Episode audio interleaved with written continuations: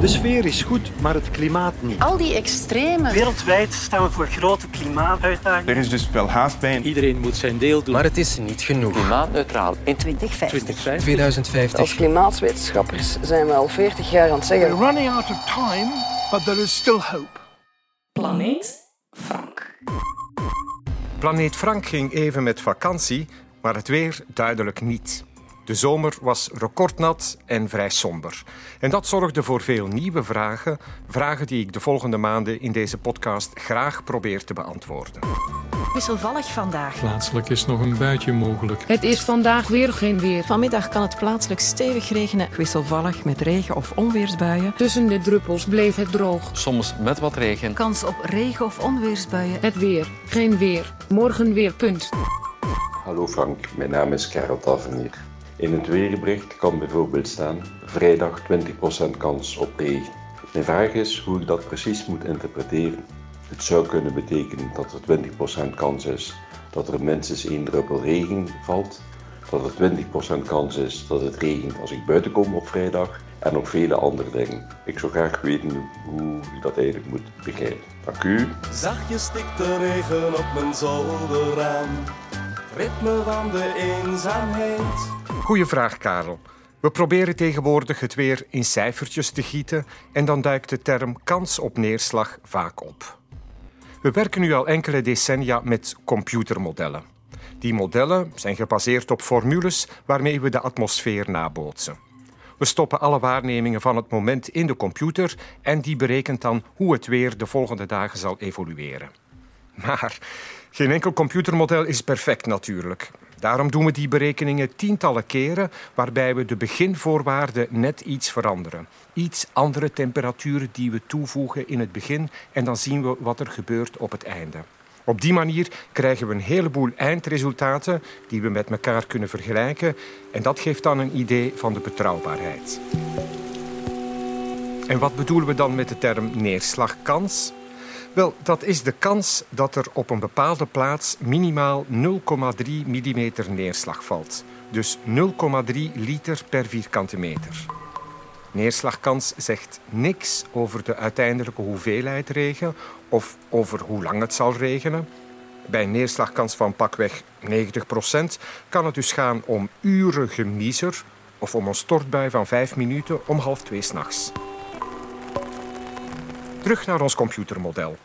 We berekenen dus tientallen keren of er op een bepaalde plek meer dan 0,3 mm neerslag valt en dan kijken we naar het percentage positieve gevallen. Het principe van de neerslagkans is vooral populair op digitale weersites, die automatisch alle data genereren, waarbij er dus geen menselijke tussenkomst is. Dan zie je bijvoorbeeld dat twee naburige gemeentes iets andere neerslagpercentages krijgen, bijvoorbeeld 34% en 36% Dat lijkt fantastisch nauwkeurig, maar ik denk dat wat nederigheid hier toch wel op zijn plaats is.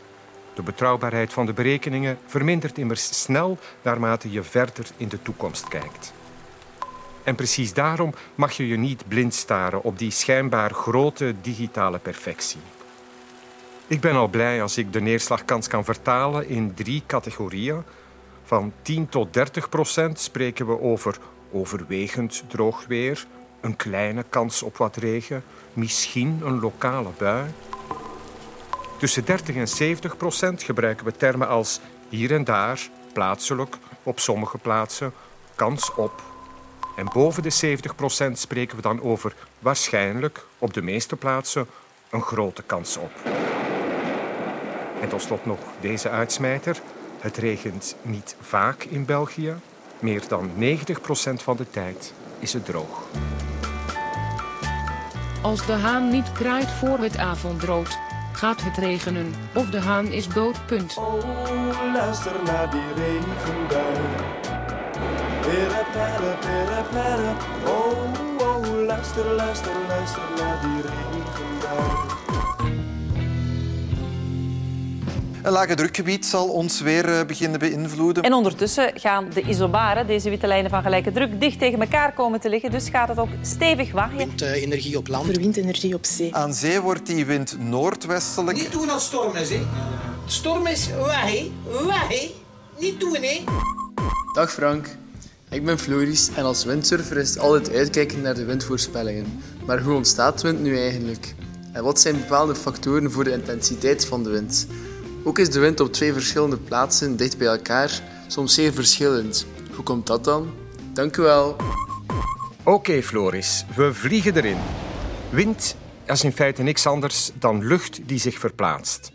De luchtdeeltjes stromen in principe van een hoge drukgebied naar een lage drukgebied. Van boven naar beneden. Dat kan je bijna letterlijk interpreteren, want een hoge drukgebied dat komt dan overeen met een berg. En leg je een knikker op een helling, dan zal die knikker ook van de berg naar het dal rollen. En als de helling steil is, wel dan rolt de knikker snel. Maar is er nauwelijks sprake van een helling, dan zal die knikker veel langzamer van hoog naar laag bewegen. Wel, vervang knikkers door luchtdeeltjes en berg door hoge drukgebied, dal door lage drukgebied en de analogie is compleet. En dus, als hoge drukgebieden en depressies, die fameuze letters H en L op een weerkaart, als die dicht bij elkaar liggen, dan zullen de luchtdeeltjes snel bewegen en is er veel wind. Zeker als de berg hoog is en of het dal diep. Op de weerkaart zie je dan dat die witte lijnen, de isobaren, de lijnen van gelijke luchtdruk, dicht bij elkaar liggen. Maar zijn er nauwelijks isobaren op de weerkaart aanwezig? Wel, dan is er weinig drukverschil, dus weinig barometrisch relief. Dan zal de wind nauwelijks waaien. Oké, dat was hoofdstuk 1. Want het is natuurlijk wat complexer. De aarde die draait rond, één keer in 24 uur. Dat zorgt voor een extra kracht, de zogenaamde Corioliskracht. Die Corioliskracht doet op het noordelijk halfrond een luchtdeeltje in wijzerzin uit een hoge drukgebied waaien. Het luchtdeeltje gaat vervolgens naar het lage drukgebied toe en dat gebeurt dan tegen de wijzers van de klok in, in tegenwijzerzin. Het zijn eh, de beroemde bewegingen die je me dikwijls ziet maken als ik een hoge drukgebied of een lage drukgebied aanduid. Dus van hoog naar laag en rond een hoge drukgebied in wijzerzin naar buiten en rond een lage drukgebied in tegenwijzerzin naar binnen. Tijd voor hoofdstuk 3. De wind ondervindt soms weerstand van elementen in het landschap: bomen, hagen, gebouwen. Het oppervlak van de zee daarentegen is verhoudingsgewijs vrijwel vlak. En dus waait de wind aan zee gemiddeld gesproken harder dan in het binnenland. Op het platteland is er bijvoorbeeld gemiddeld gesproken meer wind dan in de stad. Nu, als het landschap erg ruw is, wordt die luchtstroming turbulent. De wind gaat dan grillig verschillende richtingen uit en varieert op korte tijd sterk in snelheid.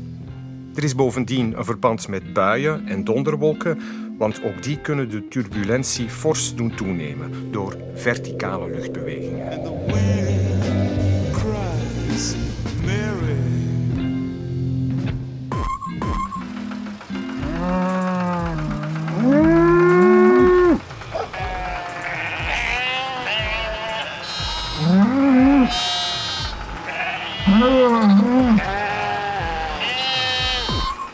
Hey Frank, Morgan hier.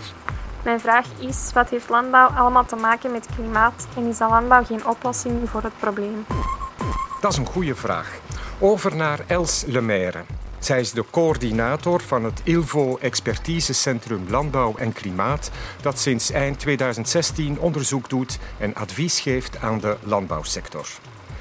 Els, uh, ja, eerst misschien, uh, zorgt landbouw wereldwijd nu voor meer of voor minder CO2 in de atmosfeer? Ja, eigenlijk voor meer en minder. Oh. Meer omdat onze voedselproductie bijdraagt aan de uitstoot van broeikasgassen. En wereldwijd spreken we over ongeveer een kwart van de globale broeikasgasuitstoot die komt uit landbouw en landgebruik. Okay. Daar zit ook ontbossing bij. Andere belangrijke bronnen zijn de veeteelt. Als we alles in acht nemen, dan draagt de veeteelt wereldwijd het meeste bij vanuit de landbouw aan de broeikasgasuitstoot. Nu kan landbouw ook bijdragen aan de vermindering van de uitstoot van broeikasgassen? Uh, ja, landbouwbodems die kunnen eigenlijk werken als een koolstofopslagtank. We noemen dat dan een sink. Nu, hoe gebeurt dat? Het zijn planten die CO2 uit de lucht halen en die die CO2 gebruiken als bouwstenen. Maar via de wortels van de planten of via gewasresten kan die koolstof ook in de bodem komen. En bijvoorbeeld wereldwijd weten we dat er vier keer meer koolstof in de bodem zit dan dat er in de atmosfeer zit. Dus het is heel belangrijk om koolstofrijke bodems, om die ongemoeid te laten, om die te behouden. Maar ook om waar dat bodems nog potentieel hebben om meer koolstof te bevatten, om dat er ook te gaan inbrengen. Dat zal er waarschijnlijk ook uh, samenhangen met de manier van, van ploegen, bijvoorbeeld. Ja, dus um, je kan inderdaad de grond minder gaan bewerken. Uh, je kan ook eigenlijk meer organisch materiaal aanbrengen. Bijvoorbeeld bij akkers kun je dan stalmest gaan gebruiken of compost gaan gebruiken. Maar ook de gewassen die je zet zijn van groot belang. Als je diep of intensief wortelende gewassen gebruikt, dat gaat ook meer organisch materiaal opleveren. En naast akkers zijn onze landbouwbodems ook deels grasland. Die graslanden die moeten we eigenlijk ook zo lang mogelijk um, ongemoeid laten en zeker niet omzetten naar akkers. Want die kunnen evenveel koolstof bevatten ondergrond dan bosgrond bijvoorbeeld. Nu, in Vlaanderen is er nog veel potentieel. Want volgens de laatste stand van zaken blijkt dat 50% van graslanden en akkers onder de streefwaarde zitten voor bodemkoolstof. Uh, dus dat, dat, is goed nieuws. Hè. We weten hoe het moet en we weten dat het kan. Maar toch is dat maar een deel van de oplossing. Want onderzoek wijst er ook op dat in Europa nu maximum een kwart van wat er jaarlijks wordt uitgestoten via de landbouw, kan worden vastgelegd via de mhm. landbouwbodems. Uh, nu, een tweede manier dat de landbouw kan bijdragen aan een oplossing, dat is natuurlijk door minder uit te stoten. Dan zeggen we ja, dat we de bronnen aanpakken of de sources. Mondiaal moeten we dan zeker eens kijken naar landgebruik, want we mogen niet meer nog meer bossen gaan kappen om tot extra landbouwgrond te komen. Uh, en ook veeteelt legt veel beslag op landbouwgrond. Ja. Uh, wetende dat de voedselvraag gaat stijgen, moeten we eigenlijk meer eiwitten halen uit plantaardig voedsel en dus onze grond vooral inzetten om eiwitrijke uh, gewassen te telen die we direct kunnen eten ja, en, en, niet om er voeders voor de dieren. Inderdaad. Trouwens, ondertussen zien we dat de klimaatverandering een feit is. Hogere temperaturen, droogte, wateroverlast, meer extreme. Uh, zien we die gevolgen al in de landbouw in, in de wereld of, of bij ons? Ja, zeker. En de klimaatopwarming gaat sneller dan dat experts hadden verwacht. Dus het geeft ook de, de landbouwsector minder tijd om zich aan te passen. Um, nu, op uh, wereldwijd vlak verwachten we tegen 2050 netto gezien oogstverliezen met de huidige landbouwpraktijken. Maar er zijn zeker regionale verschillen. Bijvoorbeeld in Australië verwachten we dat de oogstverliezen zouden oplopen tot min 20 procent. Maar meer noordwaarts, bijvoorbeeld in Noordwest-Europa, verwachten we eigenlijk wel hogere opbrengsten. En, en ook opportuniteiten voor nieuwe gewassen. Als we eens kijken naar België, dan, dan, hebben we ook al de negatieve gevolgen ondervonden. Denken we maar aan de zomerdroogte. In 2018 bijvoorbeeld konden de aardappeltelers uh, ongeveer 35% minder aardappelen oogsten ten gevolge van uh, de droogte. En ook gras en mais hebben er te lijden onder gehad. Maar als we dan weer vooruitblikken tegen 2050, dan verwachten we eigenlijk wel dat voor wintertarwe, suikerbiet en ook voor aardappelen, dat die net beter gaan presteren omdat het warmer wordt. En het zal dus ook mogelijk worden om andere gewassen te telen die er voordien dan niet konden gedijen. Bijvoorbeeld soja of quinoa of wijnbouw, de druiventeelt. Mhm. Maar de grootste uitdaging voor ons land zal nog zijn om om te gaan met die extrema. Uh, dus we hebben nu een mild klimaat, dat is een troef voor de landbouw. Maar meer schommelingen gaan ook meer uh, wisselende oogsten geven. En die onvoorspelbaarheid, dat is echt slecht nieuws voor de telers. Een andere factor van onzekerheid zijn ook ziekten en plagen die gaan oprukken. Dat is ook moeilijk om te voorspellen wat de impact daarvan zal zijn.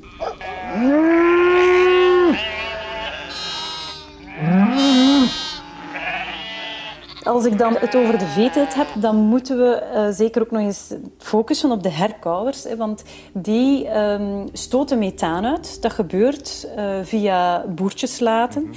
Nu, methaan is een sterk broeikasgas dat bij de vertering van die herkauwers vrijkomt.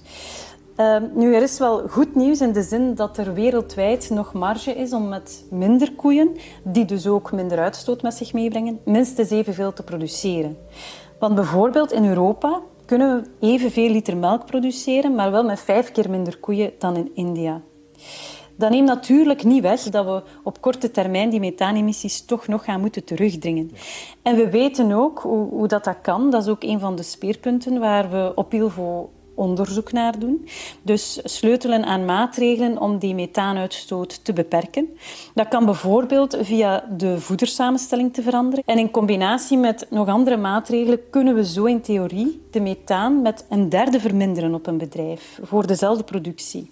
Daarnaast ja, zijn er ook nog andere bronnen die we moeten aanpakken. Bijvoorbeeld mest, de opslag ervan, uh, hoe we de mest uitrijden, maar ook minder en preciezer gebruik van kunstmest en pesticiden.